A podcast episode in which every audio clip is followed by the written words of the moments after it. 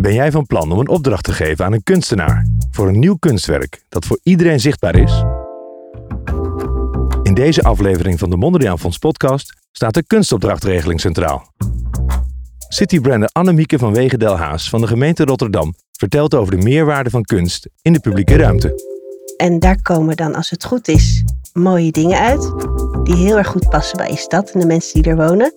Ook brengen we een bezoek aan het Radboud UMC en spreken over het nieuwe kunstwerk van Tanja Smeets en over goed opdrachtgeverschap. Er komen soms hier artsen langs en die zeggen: Kijk ik daar nou naar longen? En dat vind ik heel mooi, want dit is een verkoperd aquariumplantje.